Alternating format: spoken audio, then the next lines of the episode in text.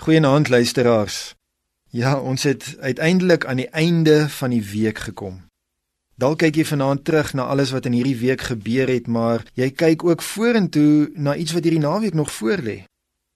Soms is daar aan die einde van 'n harde week 'n lamheid wat oor ons kom. 'n Moegheid waarin ons net agteroor wil sit en ontspan. Jong mense gebruik 'n ander woord wat hulle noem chill.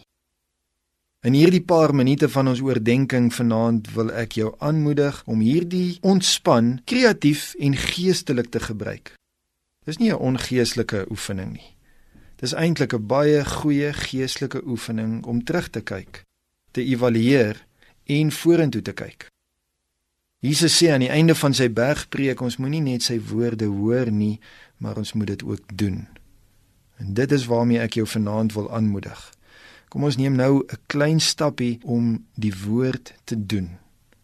In Openbaring 2 vers 5 praat Jesus met 'n gemeente wat stoom verloor het. 'n Gemeente wat moeg geraak het, wat lam geword het. amper soos wat jy dalk voel op 'n Vrydag aand. Vir hierdie gemeente sê hy: Onthou waar jy vandaan kom. Bekeer jou en doen weer die eerste dinge. Iemand het dit in Engels met drie woorde baie mooi opgesom. Remember, repent and recover.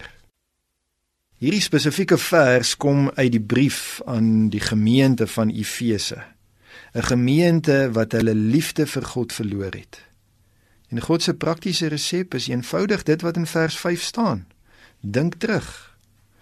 Waar was ek toe ek my lewe vir die Here gegee het? En waar is ek nou? Wat het ek dalk nodig om te bely? Wat het verkeerd gegaan?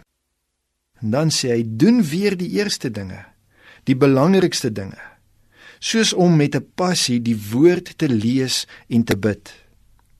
Ek wil jou op dië manier aanmoedig om vanaand die woord van God te doen. Gebruik hierdie paar oomblikke om terug te dink aan die tyd toe jy die naaste aan God was en waar jy nou is.